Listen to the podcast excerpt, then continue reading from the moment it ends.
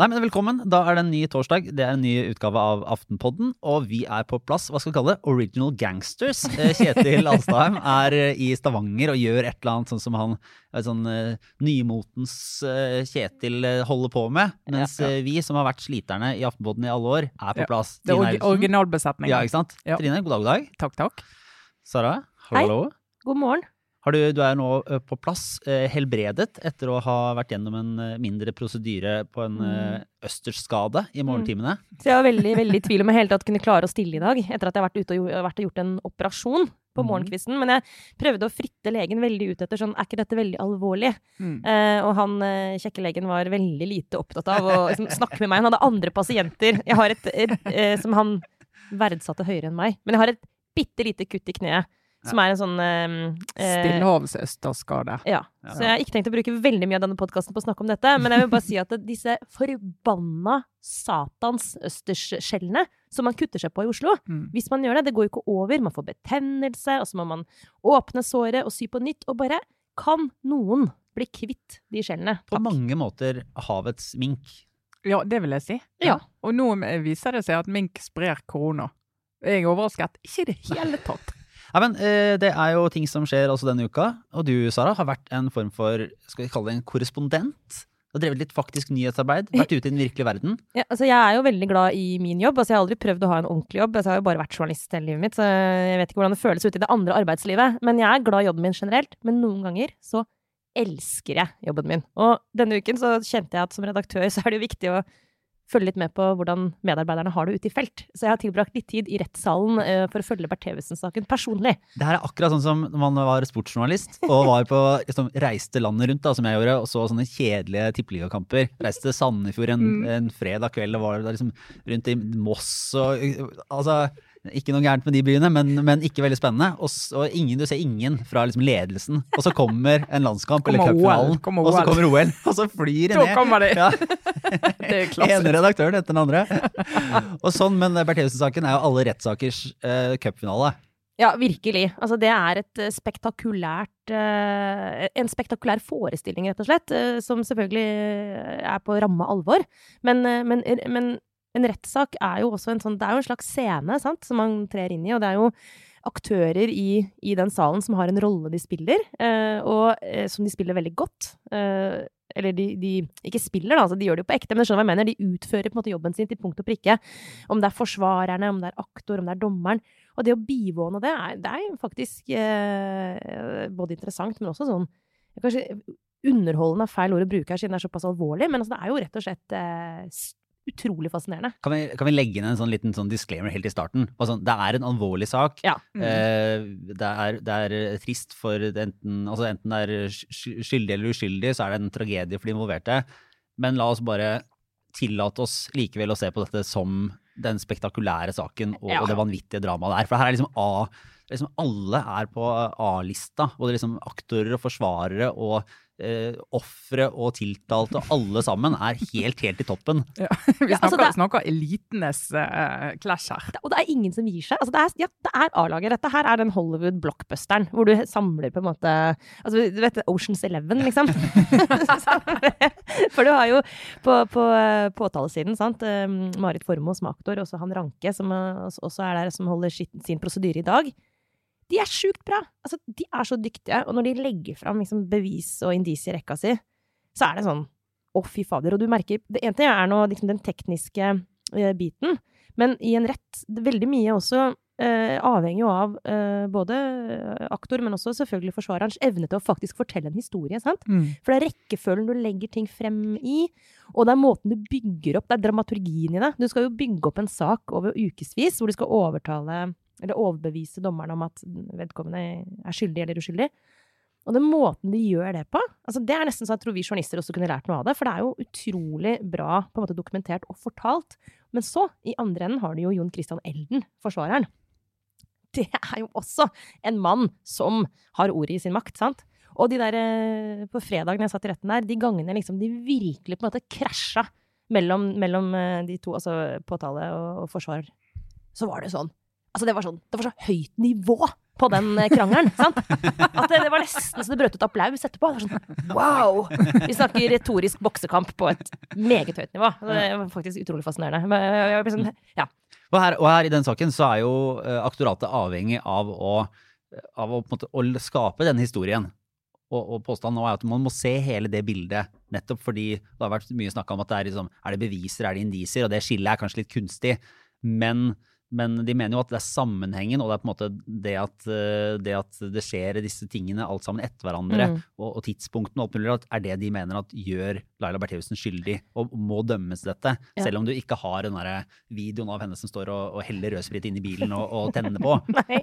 Kameraet virket jo ikke. Nei, så, sånn, det, det, var, det er jo vanskelig å At finne. det ikke virka, liksom. Det var jo dumt, da. At Så de har jo bygd opp den, og det nå Jeg har eh, jo I starten fulgte jeg dette om ikke minutt for minutt, så i etterkant av hver dag så hadde jeg lest de referatene på flere Ja. nettsteder, fordi jeg syns det er så interessant. Det har jeg ikke hatt tid til hele veien eh, siden.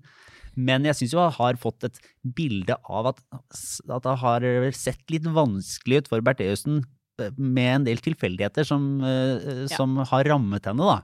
Jeg kan jo gi en superkjapp liksom, recap av hva som er hovedproblemet hennes, da. Og det er jo egentlig to ting. Det ene, og det var um, Marit Formoe opptatt av i går Vi er inne i nå siste, siste uke i retten. Nå er det prosedyrer. Og det er jo da at både um, påtalemyndighetene og forsvar, forsvareren skal jo da nå oppsummere saken. Og komme i dag, i torsdag, kommer også påstanden om straffeutmåling fra aktoratet sin side. Uh, og så uh, tror jeg faktisk allerede i morgen at Elden skal komme med sin siste tale. Og det er jo selve på en måte finalen, ikke sant? bortsett fra at selve dommen når den kommer, da. Men nå, dette er på en måte nå de skal inn, og de skal oppsummere alt. De skal trekke liksom, linjene. Og uh, fra um, aktor sin side så er det to ting, egentlig. Det ene er at de mener at uh, retten er nødt, eller dommerne må se på uh, troverdighet her. De mener at Bertheussen har liten, altså lav troverdighet, og pekte på, peker på mange ting. Blant annet at hun ikke har villet forklare seg. Eh, Så det er et element som, som de mener at de bør vektlegge. Men rent sånn teknisk, mer sånn bevisførselsmessig, så er det jo eh, sånn at eh, aktor sier at det er samme person som har gjort dette. Det mener de å kunne bevise. Sånn at hvis dommerne eh, mener at eh, hvis, hvis de er overbevist om at Bertheussen har gjort én av de ulike punktene, så må de dømme henne for alle. Mm. Og så er det jo de tekniske bevisene, og det var jo det på fredag, da. Jeg må nesten bare fortelle dere helt kort om å sitte i retten der, det de hadde gjort, da. Som var utrolig effektivt. Det var litt sånn slow TV. Eh, Det var, det var litt sånn um, Litt sånn følelse av å se på Big Brother, dere vet. I Ja. begynnelsen var det veldig, veldig kjedelig. Det var sånn Hvis du ikke betalte ekstra penger for å se på dusjen, Ja, ja. Det sånn det det, Jeg sitter bare og grepet i norsk TV-historie. Man sitter og ser på masse folk i en hangar, det skjer ingenting. Og så på et eller annet tidspunkt ble man sånn sugd inn i sånn Å, Rodney henter seg en kopp kaffe. Gud, så spennende. Og det var litt den der effekten Kanskje ikke alle som tok den referansen for øvrig, men drit i det. Men, men eh, det de hadde gjort i retten på fredag, eh, var at de hadde satt sammen alt de har av videoovervåkning, og overvåkning av ulike sånne digitale dingser. I ett skjermbilde, som har, i, i um, sanntid, og det er en ni timer lang video. Hæ? Og det satt man og så på? Det, de spolte heldigvis. Ja. Eh, Mm. men Laila Anita Bertheussen sa i retten med et smil faktisk at hun hadde sett hele. Alle ni timene. Og det. Ja, det skjer ikke kjempemasse, men det som skjer er eksepsjonelt dramatisk. Men det de gjør da, er at de, de, de har kamera som filmer huset. Og så har de mobilen som de kan De overvåker når mobilen beveger seg ut fra den helseappen. Og så har de inngangsdøra som de overvåker, så de ser når inngangsdøra på huset går opp og igjen. Uh, og så har de PC-en hjemme i, i huset til Bertheussen. Den kan de se når den er aktiv og ikke aktiv. De kan ikke se hva som skjer på PC-en, det overvåket ikke den. Vi kan se at den er på eller av, eller at noen bruker den. Og når de setter sammen da alle disse ulike dataene i én visning, så får du på en måte hele hendelsesrekka, og det er jo disse såkalte indisiene slash bevisene, hvor hvis Bertheussen ikke har tent på den bilen den natta, så er det så mange tilfeldigheter som må ha slått inn samtidig. For det du ser, da Vi satt og så og så og så, men så langsomt kryper det inn en historie, sant, som er at um, det er aktivitet på PC-en, og kameraet går av. Og kameraet er kobla til PC-en. Så kan du ikke si De har ikke bevis på at hun faktisk skrudde av kameraet, men du ser bare PC-en er på, kameraet går av. Bevegelse på mobilen, ytterdøra går opp. Sant? Mm. Eh, og så er, er, det, er døra åpen, og så går det en liten stund. Bevegelse på mobilen. Eh, døra går igjen. Eh, bevegelse på mobilen. PC-en eh, er i aktivitet. Kameraet er på igjen. Så eh, mobilen legges ved senga og puttes på lading. Eh, Bertheussen går og legger seg. Oi, det brenner i bilen. Mm. Sant? Ja. Så, sånn er det det legges frem, da. Og da sitter man i salen, så er det jo sånn du må gjøre det opp din egen mening. Men Mm. det er ganske vanskelig å forklare denne sammenhengen hvis du ikke da faktisk Altså hvis det har vært en fremmed gjerningsperson der og tent på den bilen. Ja. Så sånn. Og da, folkens, sitter man jo der, da, og så er det jo som å se uh, en uh, Altså det er som å se et teaterstykke. Sant? Det er det som er poenget. Men hvordan er det, hvor står vi nå på, på betydningen av den saken her? Altså for Enten så blir hun da funnet eh, skyldig, og så er det en spektakulær norsk straffesak med veldig kjente personer, eh, og på en måte i større eller mindre grad en personlig tragedie og et problem for eh, Tor Mikkel Wara, som mistet liksom, justisministertittelen sin, og, og hvordan de må finne ut av det. Eller så blir hun da frikjent, og så er det et samfunnsmessig stort problem for PST og for, måte for troverdigheten til systemet her. Mm. Ja, det jo Hvis det siste skulle skje, så er jo det, det er jo helt krise for uh, påtalemyndigheten og PST. Og det ene er jo selvfølgelig at du, denne saken bør de, bør de Altså, de må greie å avsløre trusler, og hvem som står bak den type trusler mot eh, norske myndighetspersoner. Hvis ikke så ja, da, da gjør du ikke en grunnleggende del av jobben din. Mm. Så det, det er liksom veldig viktig for hele troverdigheten til det de holder på med. Men så får du jo da, hvis det skulle skje, så får du, åpner du jo en hel boks av mulige spekulasjoner som jeg tror eh, Altså, du? Du, kan, du kan sitte og tenke at alle tror at det er åpenbart hvem som har gjort det, men jo mer tid som går, så vil det bli en sånn hvem gjorde det egentlig? Altså, Se hva det har gjort med Sverige at de ikke klarte å løse Palmedrapet. Hvordan de har liksom ridd den nasjonen. Dette, dette er ikke en drapssak, det er ikke samme alvor overhodet. Men likevel, jo lenger tiden går, jo mer konspirasjoner blir det knyttet til det. Jo mer sånne alternative teorier og sånne hobbyetterforskere på loftet vil, du, vil komme med sine greier. Og det, det, det kommer aldri til å ta slutt. Og så kommer du til å få en sånn gjeng med, med norske journalister som får en sånn oppheng i den saken her. Hvor du bruker 25 år med arbeidstid på å finne Ja, den liksom, ja. sannheten. Og så bare ah, Nei, kan vi ikke bare få det avklart nå? Ja. Men sånn sett er det faktisk veldig dumt at det ikke er et fellende bevis, da. For det hadde jo vært fint å få lagt denne saken helt død. Men det som, eh, ut fra min vurdering, da, og her er jeg jo virkelig en legkvinne, eh, en av folket, som satt der og hørte på, men, eh, men det virker jo veldig vanskelig å få henne helt frikjent. Det er nesten umulig å forklare hvem som skulle ha gjort det, og hvordan dette her skulle kunne skje, eh, uten at hun må ha vært delaktig i det. Eh, men også aktor minnet om i sin prosedyre i går, om at eh, du skal jo eh, faktisk eh, ikke måtte bevise din uskyld. Så retten må jo være helt ov overbevist om at hun faktisk har gjort det. Mm. Men, men jeg gjetter at hun, at hun blir dømt. Men det som er virkelig et spenningsmoment, er jo om hun blir dømt for den der paragraf 115, som handler om trusler mot eh, demokratiet. Hun kan jo også bli dømt for en litt sånn, jeg husker ikke hvilken paragraf det er, men det er jo en mer sånn bedrageri. Den litt sånn mindre alvorlige. Ja, mm. Men hvis hun blir dømt for 115, og da kan man jo merke seg da at eh, det har vært veldig interessant å se at eh, både Tor Mikkel Wara, altså da han vitna, og også Laila Anita Bertheussen selv, har vært veldig opptatt av å si, og understreke retten at de ikke har vært redde. Sant? Mm. I avhør tidlig i saken så uttrykte de jo at de var skremt begge to. og Tor Mikkel Wara sa jo faktisk som justisminister at dette er en trussel mot demokratiet. Ja, og har har ikke han fått installert sånn sikkerhetsrom? Jo, jo, jeg tror det. Så at det eh, har jo i retten vært et annet inntrykk de har skapt, da. Og uh, Mm. Bertheussen sånn på at jeg lot meg ikke plage i det hele tatt. Dette var bare guttestreker. Mens uh, Ingvild Smines Tybring-Gjedde og han og hennes mann, Tybring-Gjedde, de var jo ikke der, Lars. De var Det jo var veldig tydelig i retten Ja. på at dette var skremmende og et eh, hinder for deres virke, og, og Det, tok det, det tror jeg alvorlig. alle ville egentlig synes, hvis de hadde opplevd det. Ja, altså Her må jeg jo si at eh, ekteparet Tybring-Gjedde er mest troverdige. da. Altså sånn, Det er litt rart å være sånn Nei, de tente på bilen min og masse greier, men nei, det er, sånt skjer. sånn Ikke noe å henge seg opp i. Nei. Ja, og på en måte erkjenne at det, det politiske utspillet og den veldig tydelige uh, uttalelsen til offentligheten da på en måte var et uh, At det var en, om ikke en bløff, da, jeg vet ikke hva jeg skal kalle det, men at det ikke var reelt. ikke sant? Du går ut og kaller det et angrep på demokratiet, og så sier du at nei, det var det jo egentlig ikke. Det var noe jeg sa. Ja. Men ikke sant, for hvis du som statsråd eh, faktisk blir redd jo, Dette er jo interessant, for dette er, sånn, det er vanskelig å bevise, men poenget er jo at hvis du blir redd, og på den måten blir forhindret i å gjøre jobben din, Mm. så er det jo et angrep. Ikke sant? Men det er jo en følelse. Altså, så det, det er jo faktisk relevant her hvilken følelse dette vekte eh, hos både Wara og um, Tybring-Gjedde. Uh, så det må jo det har retten forsøkt å avdekke. Da, og da, det er jo, det er, du kan ikke bevise om noen er redd eller ikke. Men det er interessant å merke seg at de har så forskjellig svar på det. Eh, og det kommer sikkert til å bli brukt eh, når liksom, straffen skal og, altså, når, det skal bli, når, når, dommeren skal vurdere hvilken paragraf hun skal dømmes for. Uh, og så er jo strafferammen på den paragraf 115 er jo veldig høy, jeg tror opp i 15 år. Men det er jo ingen som tror at det går så langt. Men det vil jo ha litt å si for hvor lenge hun eventuelt må i fengsel. Da. Det blir interessant. Ja. når er det man kan vente seg en dom? Det har jo gått fortere enn det man trodde. Det tok ja. ikke ti uker likevel. Nei, men uh, nå vet vi jo ikke. Nå er det jo Hvis de holder tidsplanen nå, så blir de ferdig med prosedyrene denne uka her. Og så, og så skal jo da dommerne trekke seg tilbake. Sette seg ned og Skrive et åndsverk. Skrive et åndsverk, sende ut litt hvit røyk. Og så vet jeg ikke hvor lang tid det tar. Det vet man ikke.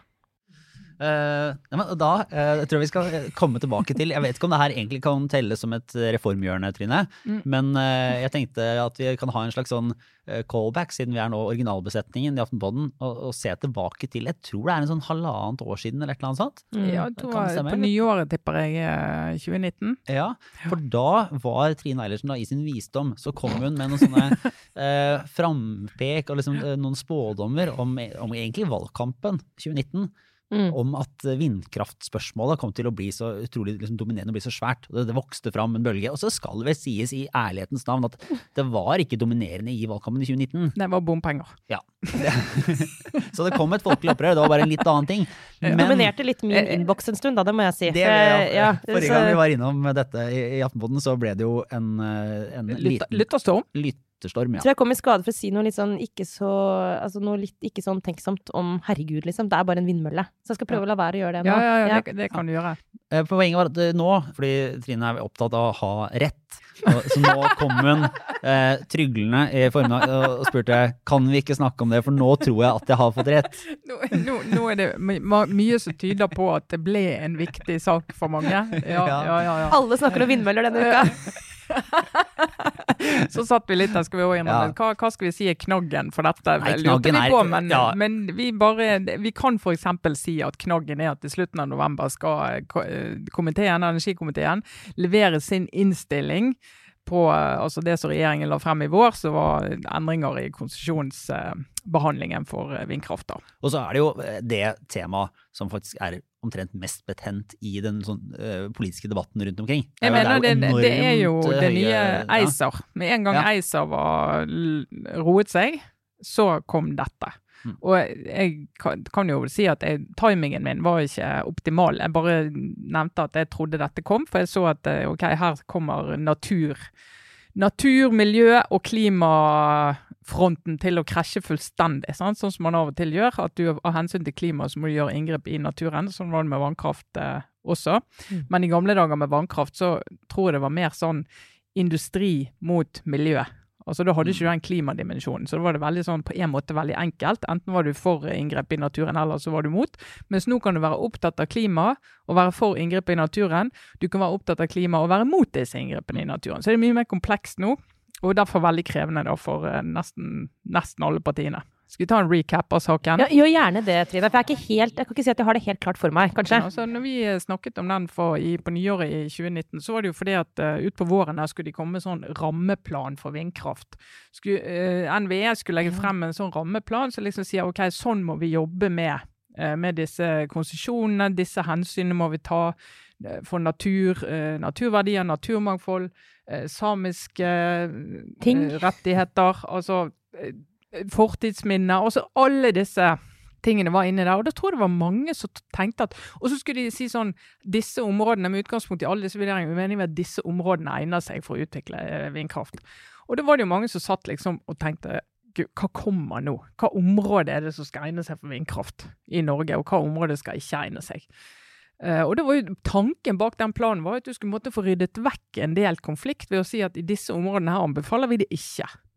Men det var jo det at uh, i, de sånn områdene, i, de områdene, de da sa at Ikke sa at her gir vi konsesjon, men de sier her mener vi at hvis de søker om konsesjon, så kan den bli behandlet. Sant? Men det eksploderte jo fullstendig sånn etter hvert. Tok litt tid. Alle hatet jo den rammeplanen. Jeg var ganske, jeg var ganske forbauset over det, husker jeg. For jeg tenkte at gud, det er jo veldig fint at du får et rammeverk å gjøre dette innenfor. For du har jo gitt en hel konsesjoner, så du tenkte Hjelpe meg, så rart at de fikk konsesjon. Uh, men det var jo gitt, og så skulle de liksom få en ramme å jobbe med det. Sånn at politisk da, så Høyre liksom ganske raskt var ute og sier ok, denne her kommer ikke vi til å forholde oss til, vi er nødt til å gjøre noe med politikken. For de skjønte jo litt det folkelige opprøret. Jeg tror alle partiene skjønte at her vi er nødt til å, restarte. Ja, du kan hele liksom ikke si Det er så betent at det, du kan ikke si noe kanskje. Du kan ikke si sånn Nei. Kanskje kommer det vindkraftutbygging her, kanskje ikke. Nei, men det, det ble bare sånn at vi er, å, vi er nødt til å legge frem en ny plan, for de skjønte jo at litt sånn konfliktene handlet mye om konsesjonsbehandlingen, fordi at mange av disse lokalmiljøene hadde jo opplevd at eh, utbyggerne hadde søkt om noe, fått det, f.eks. X vindmøller som var 50 meter høye. Og så kom tiden, og årene gikk, teknologien utviklet seg. Så sier de ok, vi, vi, tar, eh, vi vil ikke bygge alle de møllene, men de skal være tre ganger så høye. Og så skulle ikke det ha konsekvenser for konsesjonen. Og, sånn og det Altså, jeg må bare stå frem, Sara. Jeg Mm. hater vindmøller. Nei, what? Jeg syns de er helt grusomme. Du har klart å holde deg helt, helt nå? Ja, jeg har klart det, og så har jeg funnet jeg må bare stå frem. Jeg syns det er fullstendig skadelig for eh, norsk natur. Men hvorfor Men- Eh, Men altså, okay, jeg, jeg, jeg, jeg, jeg respekterer dine følelser. Men jeg forstår det virkelig ikke. Nei. Det er masse som er stygt her i verden, men en vindmølle er jo vakkert. Det er jo et, på en måte et tempel over framskritt og det grønne skiftet. Ja, og, Menneskets seier over naturen. Ja, ja, Altså vår evne til å, eh, til- til å utnytte kraften som Ja. ligger der. og så bare vind... La, la, la, la, la. Men eh, du hadde et, du hadde et men da, før vi går videre, hvis du, hvis du skulle fylle ut ditt Ja, ja, resonnement ja. på et eh, Ja, for altså, jeg, sier, jeg, jeg, kan, jeg kan ikke fordra at liksom, horisonten blir ødelagt av vindmøller. Det må jeg bare si. Og én ting er én mølle, liksom. Og én ting er møller som står i industrialiserte områder eller allerede utbygde områder, veldig befolkede områder. Men her snakker vi uberørt natur. Vi snakker om fjell, horisonter og øyer uten trær. Altså, det ser ikke ut. Men, men så skjønner jo jeg òg at vi må utvikle vindkraft. Okay, så, vi, så vi må jo, altså, og, og sånn var det jo med vannkraft òg. Du måtte ofre noe da, for å få den fornybare energikilden i, i, i bruk. Sånn at vi må jo bygge noe vindmøller. Det må vi jo gjøre. Men jeg tror jo det, var helt, eh, det er helt riktig å liksom se på måten disse konsesjonene blir gitt på. Og det kom jo regjeringen med en eh, stortingsmelding i juni, Tina Bru. Og sier ok, nå strammer vi inn, det skal bli bedre lokal forankring, det skal bli liksom ta mer hensyn, helhetlig plan, altså mye bra med den. Eh, og så skulle du jo tro da at eh, ja, men da, da roer den saken seg. eh, nei. ikke i det hele tatt. Og temperaturen er kanskje høyere enn noen gang. Altså, jeg tror Hadde det ikke vært for korona, da, som har liksom overdøvet veldig mange debatter i Norge, og så tror jeg nesten vindkraft hadde vært da, da tror jeg har du hatt rett Ja. i at Forbanna det hadde korona. den største Ja. og heftigste. Men det som er med den debatten som minner meg litt om ACER-debatten, det er jo at eh, flere ting. En er at det foregår veldig mye i forskjellige Facebook-grupper eh, der ute. Og det er en utrolig tøff tone. Enormt mye mistenksomhet mot de som er eh, Altså mot eh, de som ikke er enige. Eh, og det er jo Altså, hvis du liksom er hvis du er mot et prosjekt sted der du bor, det går an å forstå helt sånn, så er det en del som sklir helt ut om å begynne å mistenkeliggjøre til og med de som jobber der. Til og med de som jobber på anlegget for å gjennomgå. Sant? Og det har jo vært episoder der de faktisk er blitt angrepet, prøvd å presse, pre, bli presset av veien med bil, de har sabotert eh, gravemaskiner. og så Det er virkelig utrolig hatsk, og helt sånn fysisk og konkrete konfrontasjoner, da, som er litt sånn du sjelden ser i Norge. Men hva er det eh, komiteen skal Altså den innstillingen de skal levere nå, da, bare for å Altså, hva skjer videre? De skal, for det skal jo bygges, disse vindmøllene, et eller annet Ja, for det er der, nå er det konflikten. For det, det kan vi si en litt sånn knaggen. da, at Bjørnar Moxnes eh, gikk ut i Klassekampen denne uken her og sier at Rødt sin hovedsak i valgkampen nå, det blir liksom kampen mot eh, vindkraft. Ja, men det er jo helt, På det er jo helt ko-ko. Altså, altså, kom the fuck igjen. Du kan jo ikke være imot det. Hvis du er venstreradikal De er jo meldt miljøparti, er det ikke det? Eller er det ikke det? Altså, det ekte forvirra. Dette skjønner jeg ikke, Trine. Hvordan Nei, kan de være imot det? Nei, de kan være imot det fordi at de sier at uh, dette er en fullstendig overkjøring av folkeviljen. For Ja, Man må jo kjøre over folkeviljen for å få til dette her eh, klimagreiene. Ja, det, er der, det er der, Sara, du ikke skjønner hvor, eh, hvor denne kampen mellom sentrum, periferi og elite og folk og alt det, hvor den står nå. Nå står den annet på disse fjelltoppene ute på Haramsøy rundt omkring. Der, altså, og, men da jo, eh, sier jo Moxnes og eh, en del andre at uh, vi kan ikke bare se på det som vi skal gjøre fremover nå, for det er jo regjeringens holdning. Sier at greit, det har vært mye dårlig konsesjonsbehandling, det må vi ta sånn tverrpolitisk ansvar for på Stortinget. Og det må de, for de, de, har jo, de har jo liksom sagt ja til dette før, at vi gjør det på denne måten. Og så viser det seg når prosjektene kommer at folk har ikke helt skjønt hva de har sagt ja til, og det er liksom kommet masse endringer, og det er ikke noe ramme nå for sånn, å endre en, på de. kommer ut en, eh, en liten kommune på en odde i Norge og gir noen sånne glassperler. Så Ja, virkelig sånn. Og du skal få litt skatt, skal få litt eiendomsskatt. brennevin og noen glassperler, så er det og, og, og folk er Plutselig 300 lynforbanna, ja. sant? De er lynforbanna. Og det er virkelig sånn raseri, da. Så nå er jo Rødt som går veldig tydelig ut og sier ok, nå støtter vi de som opplever at de er overkjørt. For vi mener at det, det som regjeringen kommer med nå, det er ikke nok. For de peker bare fremover og sier sånn skal vi behandle de nye konsesjonene. Men de gamle konsesjonene, de er jo som de er. Men altså, kommer det til å bli sånn at vi ikke får bygd disse vindmøllene pga. det surret her? Nei, det gjør det ikke. Nei, okay, og det, de konsesjonene som er gitt, de kommer de nok ikke til å endre på. Kan hende det blir noen justeringer, men jeg, og, og det tror jo en del av utbyggerne at det vil, de vil stå seg på å gjøre. For det er jo veldig vanskelig å bygge noe på et sted hvor alle som bor der, hater det. sant? er det, det her er virkelig den nye innvandringspolitikken. For Ja, men det, er- sånn det er en utrolig, Ja. utrolig heftig, heftig temperatur i den saken. Det var det, når jeg skulle si den parallellen til den ACER-diskusjonen, den mistenkeliggjøringen. Eh, og det derre Altså, det er sånn kompromissløst med oss eller mot oss, og du vil ødelegge Norge. Mens du vil redde Norge. Altså, det, ja, det, det og noen der. som sier at nei, men det her skal vi ikke ha i det hele tatt, så ender opp med et litt sånn eh, tverrpolitisk enighet. når Vi sier at vi skal ha en eh, streng, men rettferdig og restriktiv eh, Ja. vindmøllepolitikk i Norge. eh, med ja, ja. lokal eh, deltakelse og Vetorett og, vetorett ja. og, og Men- alt mulig. ja, det Det kan det kan- jo da ikke være. Men det jeg kan forstå, er jo selvfølgelig at altså, Jeg håper jo for guds skyld at det blir bygget ut eh, sånn altså, Vi er faktisk nødt til å ha den typen energi. Altså, det, ærlig talt, liksom. Men jeg, jeg skjønner jo at det er litt ålreit med en prosess som er bedre enn det det har vært lagt opp til. Altså, og det er jo politisk håndverk òg. Altså, det å Mm. faktisk på en måte ikke overkjøre når man ikke trenger det, eller i hvert fall invitere til ja, Om det er en skinnprosess, da, det kan man jo mistenke, kanskje, hvis det egentlig avgjørelsen på en måte er tatt. Men jeg skjønner det, at, at Tina Bru må bruke tid nå på å liksom, få en god prosess. Men det er jo likevel liksom, det er litt sånn eh, fristende å si at man kunne kanskje løfta blikket litt. Altså, det, vi, må jo, vi kan jo ikke måte ikke gjøre disse tingene for klimaet fordi at folk liksom blir lei seg og sinte. Så det er jo noe Ja. med balansen der. Ja, men det, men det er jo, det er jo hvis, det, hvis det bare hadde vært så lett, da, tenker Ja. jeg. Fordi at eh, det er jo eh, sant, Det er jo diskusjon om hvor stort er det kraftbehovet. Og sant, I dag har vi overskudd på, på kraft.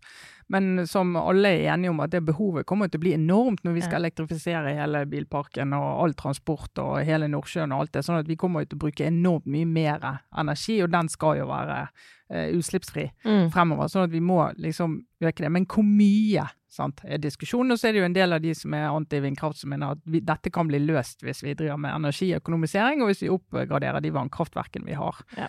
Og kanskje til og med bygger noen nye. Så det er ikke nødvendigvis sånn for eller mot eh, grønn eh, Nei, altså, energi, det, liksom. det er Nei, nyanser. Altså, hvis du går inn i hvert fall de som ikke for å si det sånn, det har klikket helt for i denne debatten, og det er en del som det har klikket for, men også på begge sider. For det er jo en del som er litt sånn ja, altså hvis, Jeg mener jo så, hvis du sier det at her må du bare ta en beslutning over hodet på folk og bare kjøre på, for dette trenger vi, da tror jeg du skaper altså et politisk klima som er veldig usunt. da. Det Mm. tror jeg virkelig, og da får du en, en En backlash. ja, Ja. Da, da, da, har du plutselig rødt på 30 Dette minner meg om noen ledermøter jeg har vært på med Trine, hvor jeg har sagt kan vi ikke bare kjøre på? Du har sagt sånn, ja, men du må tenke litt på hva som skjer etterpå.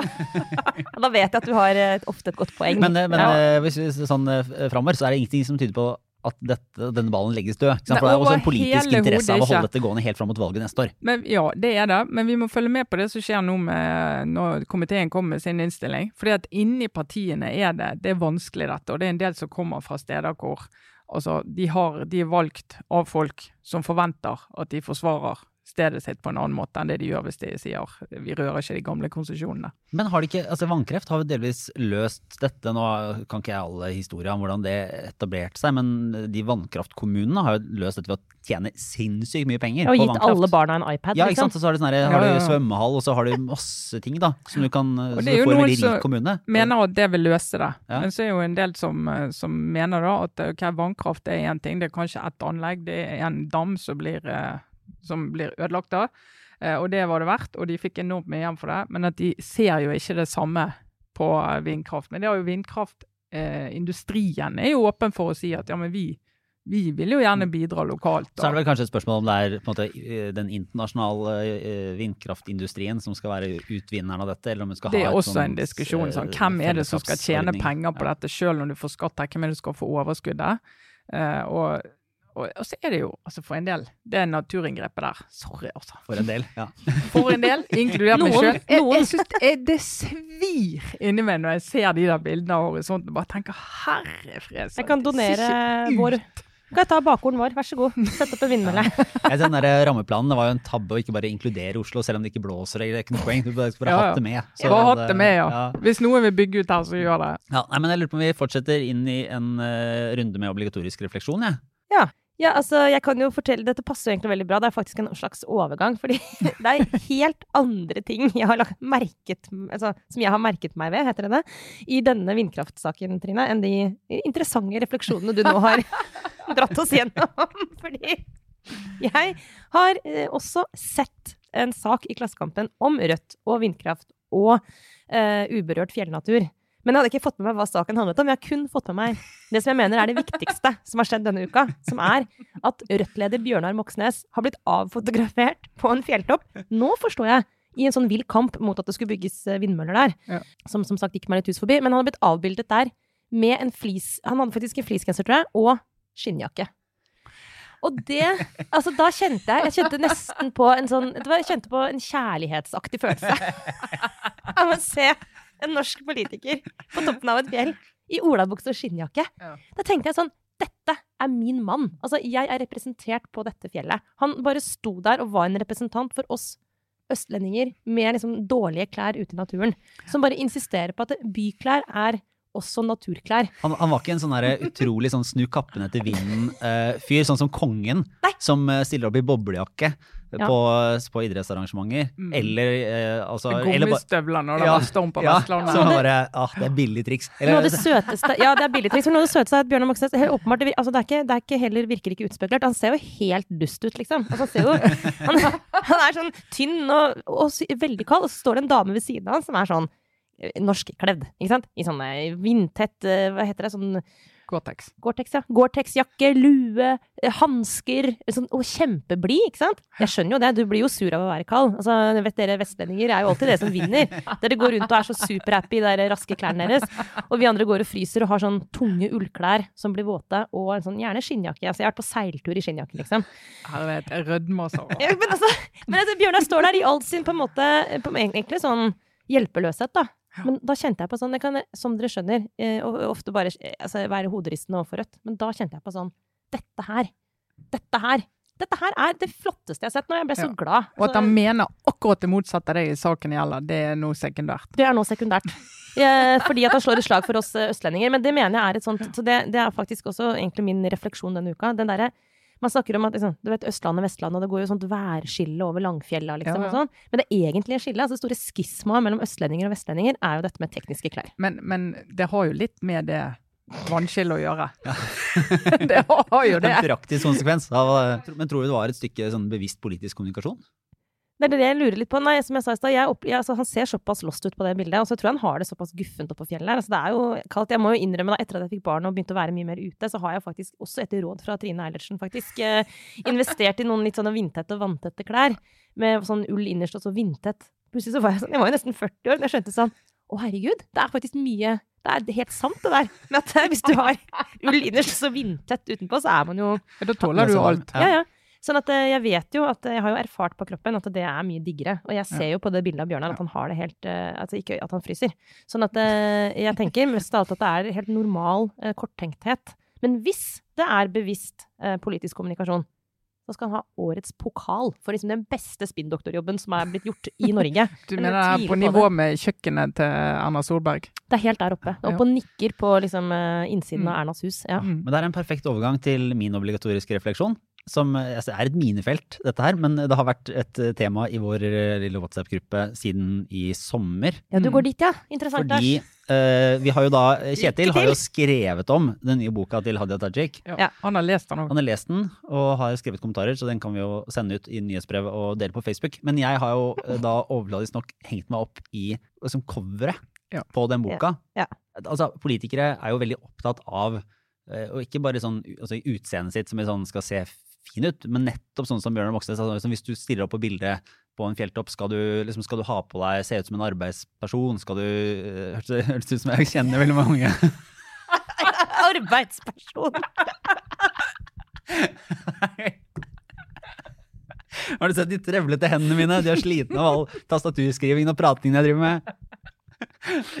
Arbeidspersoner. Ja.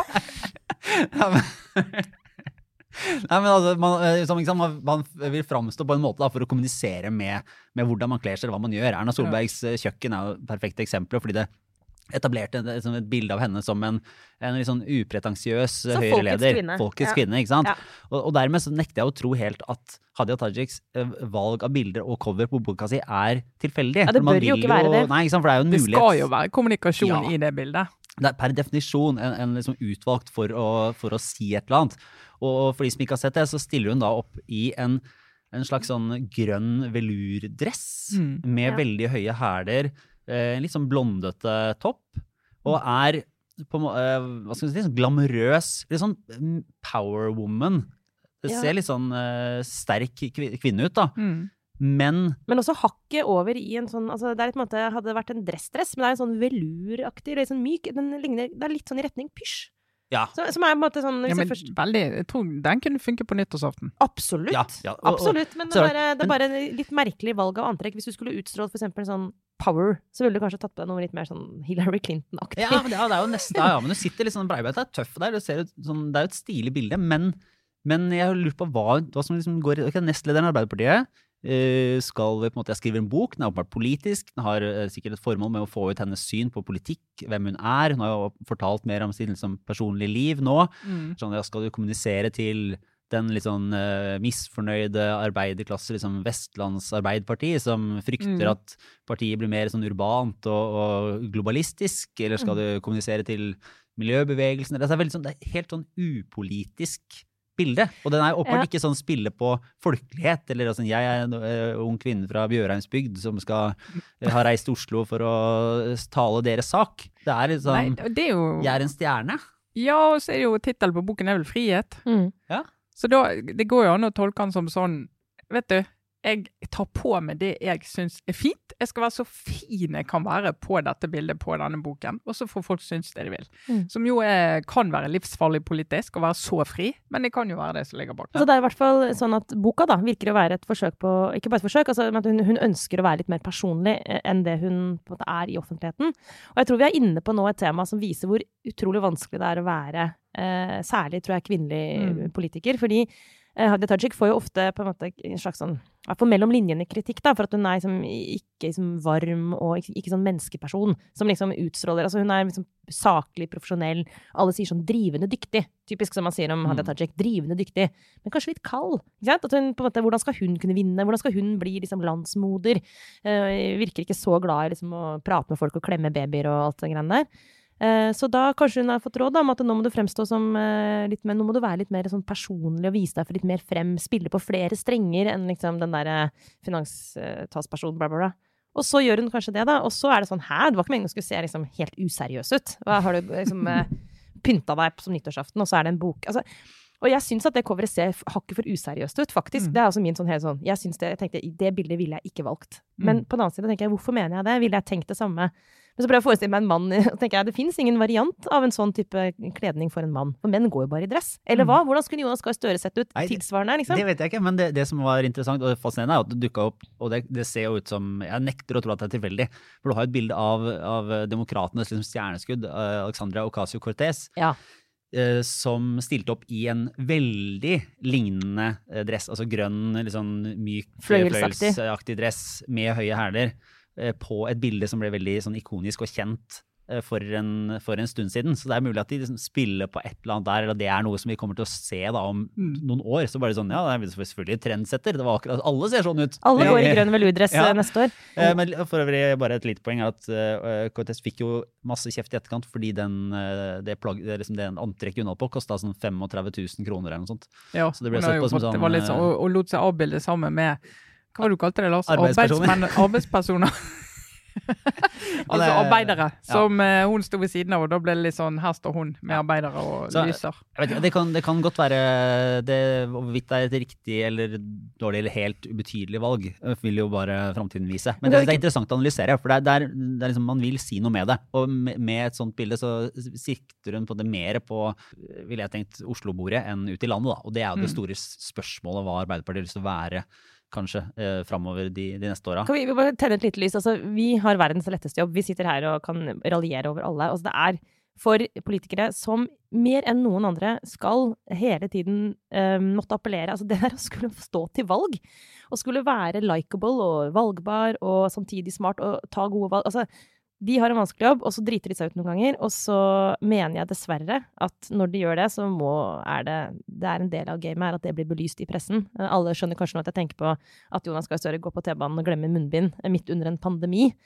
Jeg, jeg skjønner at han må bli sliten av at han da får oppslag i Nettavisen, TV 2, VG. Uh, og jeg skjønner også at Hadia Tajik sikkert syns det er helt dritt at vi snakker om hvordan hun ser ut på det bokcoveret. Altså, det, det skjønner jeg, fra et menneskelig ståsted, men det er sånn Det er litt den jobben der. Når du er politiker, så er du i i det der søkelyset hele tiden. Og de tingene du gjør, det, send, det har en signaleffekt. Da man bruker enorme ressurser, altså Ja. masse ressurser, både sånn Masse. menneskelig og økonomisk, på å framstille seg selv i best mulig Ja. lys. Så Mm. enten Så- om det er liksom hvordan du velger å iscenesette deg selv, det er faktisk relevant, fordi de prøver å si noe om det. Og når du ikke velger det, men bare går på en smell, sånn som Jonas Gahr Støre har gjort denne uka her, så er det faktisk også relevant, for det sier noe om hans rolleforståelse. At han, at han oppdager at han har glemt det munnbindet, men tenker at jeg går på banen likevel. Det er sånn, mm. nei, det var et veldig dårlig valg, og det er faktisk interessant at han gjør det. Eh, og da må han, mener jeg, da, tåle å få negativ presse på det, for han burde ikke vært på den banen uten munnbindet. Selv om han kan holde en sånn teknisk meter, så er det signaleffekten her. Eh, når hans partikamerat Raymond Johansen, byrådslederen i Oslo, har brukt utrolig mye tid på å si at dere må ha med dere munnbind når dere går på T-banen. Dere må det, liksom. Det er faktisk, Jeg ber dere innstendig om det. Og hans partileder bare Jeg glemte det, men det gikk sikkert bra. Mm. Nei, det er ikke greit. Ja, for er vi Dessverre. kortversjon. Dette er en sak. Det har vært litt debatt. Ja, det har vært debatt, og det, det har jeg tenkt litt på. For det, jeg så den saken i går, og så er det jo noen har uh, laget den saken, noen har sitert den, noen har ikke sitert den. Og sånn er det jo med en del uh, saker, og det er individuelle vurderinger i hver redaksjon. Uh, men det å si at det ikke er en sak, det syns jeg blir rart. Det, det er jo en sak, og det handler jo òg litt om, om eh, Jonas Gahr Støres eh, litt sånn altså forståelse av hvem han er nå. Og hvem som ser han, og hvordan han blir sett. Og det er jo dessverre sånn at eh, altså, mange de, de må være mye mye mer nøye med den type regler enn andre gjør. Og det har en pris å være toppolitiker og partileder og potensiell statsminister. Og så kan du si det er smålig og alt det der, men altså, han satt på den T-banen. Det ble tatt bilde. Noen lagde sak. Selv om noen ikke hadde lagd sak om det, så hadde det sannsynligvis spredd seg litt sånn i sosiale medier. Så det hadde blitt litt sånn snakke. Så det er bare litt sånn unødvendig å gjøre, da. Selv om ikke jeg tror han satt der og var superspreder. Vi snakker liksom ikke eh, Trump. Men når det gjelder selve dekningen, da og kritikken mot den, så er det jo litt sånn Altså, i en papiravis hvis du har en sånn sak, hvis vi skulle laget den saken, eh, så hadde det jo ikke Det hadde ikke vært en stor sak. Du kunne eh, vist ja. gjennom måten du la den på siden på at Ja. ok, dette skjedde, men det er ikke dagens Det viktigste er en sak. notis, liksom. Det er en notis. På nett funker ikke en notis. Altså på en forside på VG eller på Aftenposten eller hva det er. Så eneste, er eneste stedet du Mm. kan vurdere liksom om det er stort eller lite, det er hva etasje det ligger i. Hvis det ligger over, så signaliserer redaksjonen at dette er en veldig viktig sak, eller en sak vi vil at veldig mange skal få med seg. Men hvis den ligger lenger nede, så er det på en måte en slags notis. da. Men, men det fungerer ikke der ute. For det er det en sak der ute, så er det en sak der ute. Så den blir vektet som like viktig som altså, en virkelig stor sak med masse substans i. Jeg synes det er jo, jeg skjønner at det, er, det vitner om en litt sånn det er klønete som toppolitiker. da. For jeg tror du må, du må forutse at dette kommer til å bli sett. Og jeg syns det er på en måte flaut å gå på trikken hvis du ikke har eh, munnbind uansett. Altså, Jeg syns det er flaut, og jeg sto Ja. jo frem her og sa at jeg glemte det. Ja, og jeg gikk ikke, og, ja, fikk kjeft òg, og jeg gikk jo ikke og, og, og, og gikk ikke av igjen og gikk ikke og kjøpte. sant? Og det er jo Mm. sånn, Jeg kjenner jo på skam ennå. Men, men eh, spørsmålet er jo om det er ja, Er det sånn medienes oppgave å følge sånn millimeterjustis på de tinga der? Ja.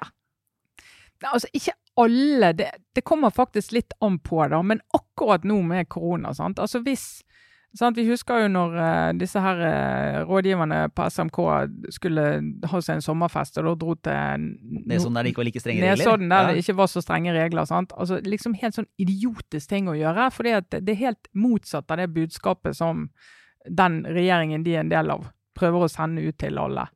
Og, og de liksom, de måtte jo bare legge seg flat og si at dette var dumt. sant? Og så, så, tror ikke jeg at de hadde sittet der og liksom lagd masse smitte. Det er ikke alltid det handler om det, men det handler om at du liksom du må skjønne at du er i rolle, da. Mm. Så, nei, det er ikke verdens største sak, men akkurat nå så er jo korona den store saken i Norge. Så liksom om man nå hadde liksom, hva skal jeg si, glemt å fire flagget på 1. mai, eller hva det var, sant? så kunne du selvfølgelig Altså, det mener jeg ikke er en sak. Det er ikke en sak, for det, da er du glemsk, og det er litt dumt og sånn, men nå er liksom det er dette vi prøver å kjempe mot, alle sammen. sant?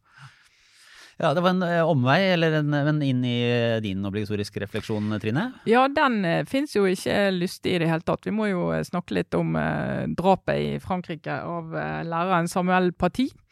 Som ble, fikk strupen kuttet over som en direkte følge av at han i sin undervisning om ytringsfrihet i klassen sin hadde, og det har han holdt på med i flere år, og det er jo et fag i fransk skole, Eh, særlig etter Charlie Hebdo så er de blitt veldig nøye med å undervise elevene i dette. Eh, hvor han har da vist eh, Muhammed-karikaturer i den undervisningen, og så sagt til elevene at de som ikke ønsker å se det, de kan nå snu seg, for nå viser jeg det. Så han har jo tatt forholdsregler som du må tenke er gode, hvis vi skal tro det som er rapportert. Og da får jo vi en diskusjon. Sant? Nå er det en diskusjon om lærerne. Uh, og Guri Melby skrev i Aftenposten, altså utdanningsministeren, at uh, vi, står, uh, vi, støtter lærernes frihet til å vise selvsagt også disse tegningene mm. i sin undervisning. De må ikke la seg stoppe av det. Jeg skjønner hvis lærerne blir redde av dette. Ja, det for det er jo en helt ekstrem ting ja. som kan skje. Mm. Men så kommer vi jo raskt tilbake til vår egen diskusjon om Muhammed-karikaturer i norsk presse, f.eks. En lang og vond historie, 15 år gammel historie nå startet i 2005 med de danske tegningene. Uh, og da har jo vi uh, Vi hadde et møte her i Aftenposten i går hvor vi diskuterte hvor står vi i dette nå. Uh, og det jeg har jo vært, med, vært deltaker i denne diskusjonen siden 2005 som redaktør. Har vært med på en del vurderinger. Og Min holdning har jo alltid vært at vi skal kunne vise disse tegningene når nyhetsbildet tilsier det. Så når man har en, en, grunn til å gjøre det fordi det er relevant for å opplyse saken? Ja. ja. Og, så, eh, og det har jo vi gjort. Altså, vi eh, viste jo denne um, Charlie Hebdo-forsiden for noen uker siden, da den eh, rettssaken begynte i Frankrike mot de som utførte den massakren. Og vi Altså ikke øverst i saken, ned i saken. Vise hva, hva handlet dette om. Minne leserne om. Dette var det som utløste eh, volden. Og kommer jo til å gjøre det i fortsettelsen òg. Men det som er litt interessant, det er jo altså vi norske redaktører sin sånn diskusjon og refleksjon rundt dette, og hvordan den har, har forandret seg. da. Og I 2005-2006 så kom jo dette veldig plutselig på mange av oss. Vi fikk jo et sjokk når vi skjønte liksom hvor eksplosivt det var. Det var jo mange av avisene som hadde trykket dette for å fortelle om bråket i Danmark. Hadde vist liksom faksimile og sagt dette er det de krangler om. Som jo er en naturlig refleks for en nyhetsredaksjon å gjøre men som etterpå var jo mange som ikke sto frem med at de hadde gjort det. Eh, og inkludert den avisen jeg eh, jobbet i den gangen, Bergens Tidende. Eh, og som eh, begynte med noen sånne forklaringer om at Nei, dette er ikke relevant å vise nå, fordi at det, det mm, vi, vi, vil ikke Vi er ikke redde. Det er ikke nei, derfor. Nei. Ja, ikke sant? Men for redaktører er jo aldri redde. Uh, men, men, vi syns ikke det er riktig å, å, såre muslimer, og noen skal ha et særskilt vern, eller man mente å vite at uh, Jyllandsposten drev en antimuslimsk kampanje, det ville ikke norske aviser, Klassekampen ville ikke være en del av det. og VG de, de, mener at deres jobb er å, hva, hva da, å bygge bro, så de skulle jo ikke liksom vise det. Altså, det var veldig mye, så det var mye sånn, Jeg tror det var mange som ikke var forberedt og ikke rakk å tenke så klart den gangen. Og det er jo forståelig. Men så er jo årene gått, og disse sakene kommer opp med gjennom mellomrom. Og hvis du ser nå, så tror jeg ikke mange som har publisert de tegningene som denne læreren Nei, da det, det, ble drept for. Det er jo egentlig naturlig i en ja. nyhetssak, hvis det hadde vært sånn eh, drept fordi en viste et bilde av en uh, altså en tegning av en kjendis, mm. måte, så hadde du ja, sett Så hadde du jo vist det. sant? Og jeg ser nå det, så jeg, vidt jeg har sett, så er det vel ingen som har gjort det ennå. Vi, vi hadde en sånn diskusjon, hvorfor ikke vi gjort det? Og det, da var det noe som sa vi vet ikke eksakt hva tegning det er. Uh, hva tegninger det var. Nå har vi liksom fått i ferd med å bringe det på det rene. Og så uh, blir det jo litt hvordan skal du gjøre det, sant. Da diskuterte vi ja, eller min holdning er, og jeg skal ikke gå inn i hodet til de andre redaktørene, men jeg mener at norske redaktører må være ærlige med å si at jo, vi er redd. Vi er mm. redd for å gjøre det. Uh, vi kan ikke bare si at uh, dette ikke har gjort inntrykk. Og de som var her i, og så drev med dette i 2005-2006, når hele verden eksploderte stadig vekk rundt det. Dette var jo årene etter 11. september. Terroraksjoner i Madrid, i London. Det var et miljø som viste at de var villige til å bruke vold, eh, og som fikk det til. Sant? For det var jo ingen som var forberedt. Norske ambassaden eh, brant ned i, i Damaskus. Og, eh, så, og norske redaktører mener en ærlig sak å si at jo, det er spesielt. Det er en spesiell vurdering. Det er ikke en vurdering som alle andre. Eh, og det handler liksom ikke om om du er redd for å såre muslimer eller noe sånt. Det er jo mange du kan være Du vet at du sårer og krenker ved å publisere noe, men hvor du sier Men publiseringen, verdien av publiseringen trumfer krenkingen. Mm. Og sånn er det jo alle andre. Vi har jo Ja, krenket stadig kristne og Ja. mange som Du kan vise tegninger av politikere som også setter stor pris på i en setting som de syns er helt uh, avskyelig. Mm. Og så tenker du ok, det her vil faktisk støte en del folk, men publiseringen er viktig likevel. Sant? Det er en sånn diskusjon du kan ha. Og så andre ganger, altså Vi har jo stoppet tegninger flere ganger. Jeg, for jeg liksom sier nei, dette syns jeg ikke er riktig. Timing, virkemidlet er for sterkt. altså Den diskusjonen har du jo. Men akkurat med disse tegningene her, så tegnes det jo ikke karikaturer om ikke bare Muhammed, men om islam i det hele tatt. sant? Mm. Som jo er en maktfaktor. Og islamisme, ikke minst, er jo makt som virkelig tyranniserer mennesker over hele verden. Som du ellers selvsagt ville også kommentert gjennom tegning, men det er tegnerne forsiktige med, og det er veldig forståelig. Så ja, vi er jo blitt redde i de Mm. årene der.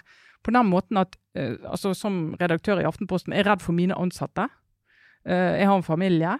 Altså, og det tror jeg mange redaktører Jeg tror vi må bare si det. At det er en egen sånn uro knyttet til akkurat dette, som gjør at publiseringsbeslutningen blir en annen enn den ville blitt ellers. Men det ligger jo en, eh, i, på en måte historisk en sånn eh, en forventning om, eller et ideal da, om at redaktøren som, som ytringsfrihetens forkjemper, og de som skal pushe de grensene for at ikke rommet skal lukke seg, Mm. er, på en måte, er det her at man egentlig må gi opp den Nei, men- rollen, eller er det Jeg tror nettopp det Trine sier om at man må være åpen på hva som er de egentlige liksom, beveggrunnene for det man gjør. Fordi da Det tror jeg kanskje har vært et veldig, veldig uheldig ved den debatten, er at man har funnet vikarierende motiver for å ikke publisere tegningene, istedenfor å si det Trine sa nå, som er at eh, at det er en, reell, en, en helt reell grunn til å være redd.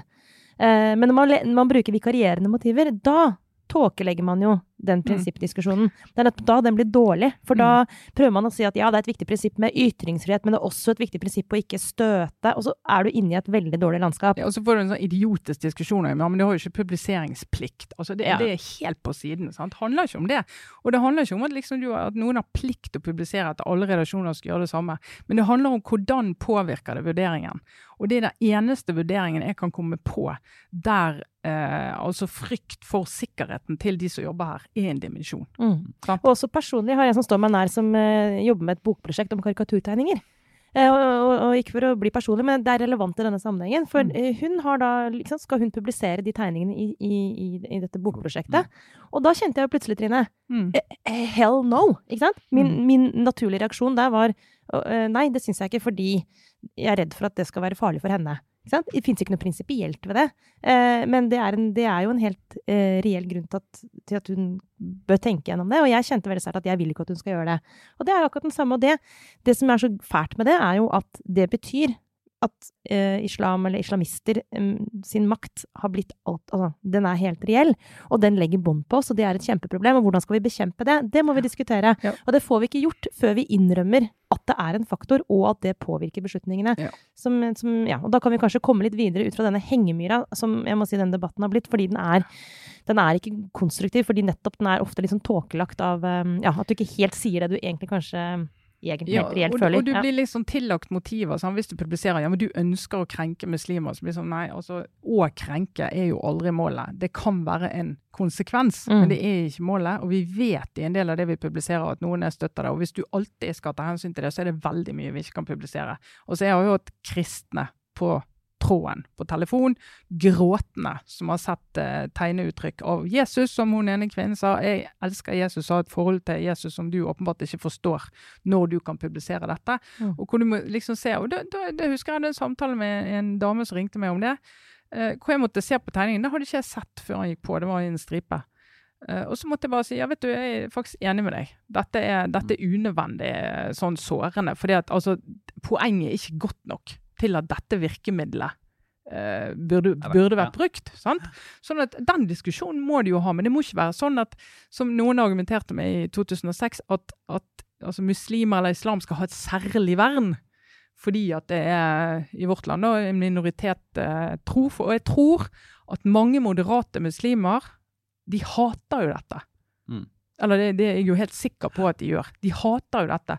De må jo få lov å demonstrere mot tegningene, de må få lov å ringe og gråte i telefonen, de må få lov å si opp abonnementet, de må få lov å gjøre alle de vanlige tingene som du kan gjøre i et fritt samfunn når du reagerer sterkt på en ytring. Men de er jo, de fleste av de er jo rasende imot det som har skjedd nå. Og da å måtte erkjenne at men den gjengen der har faktisk en seier her. Mm. For vi er blitt reddere. Det jeg, det må vi bare være ærlige om.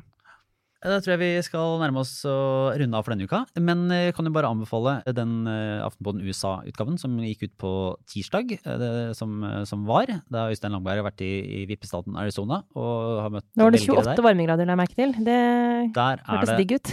Rolig varmt og godt og fine greier. Og nå natt til fredag så er det jo da den siste presidentdebatten mellom Joe Biden og Donald Trump. Så vi gjør forsøksvis en eh, liten statusoppdatering rett i etterkant av den, som, eh, som da legges ut på, på aftenpodden.no og på Aftenpostens nettsider og i appen, men ikke lenger i Aftenpodden-feeden på iTunes og Spotify osv. Så, så abonnenter kan høre den der. eh, Og så er vi tilbake neste uke.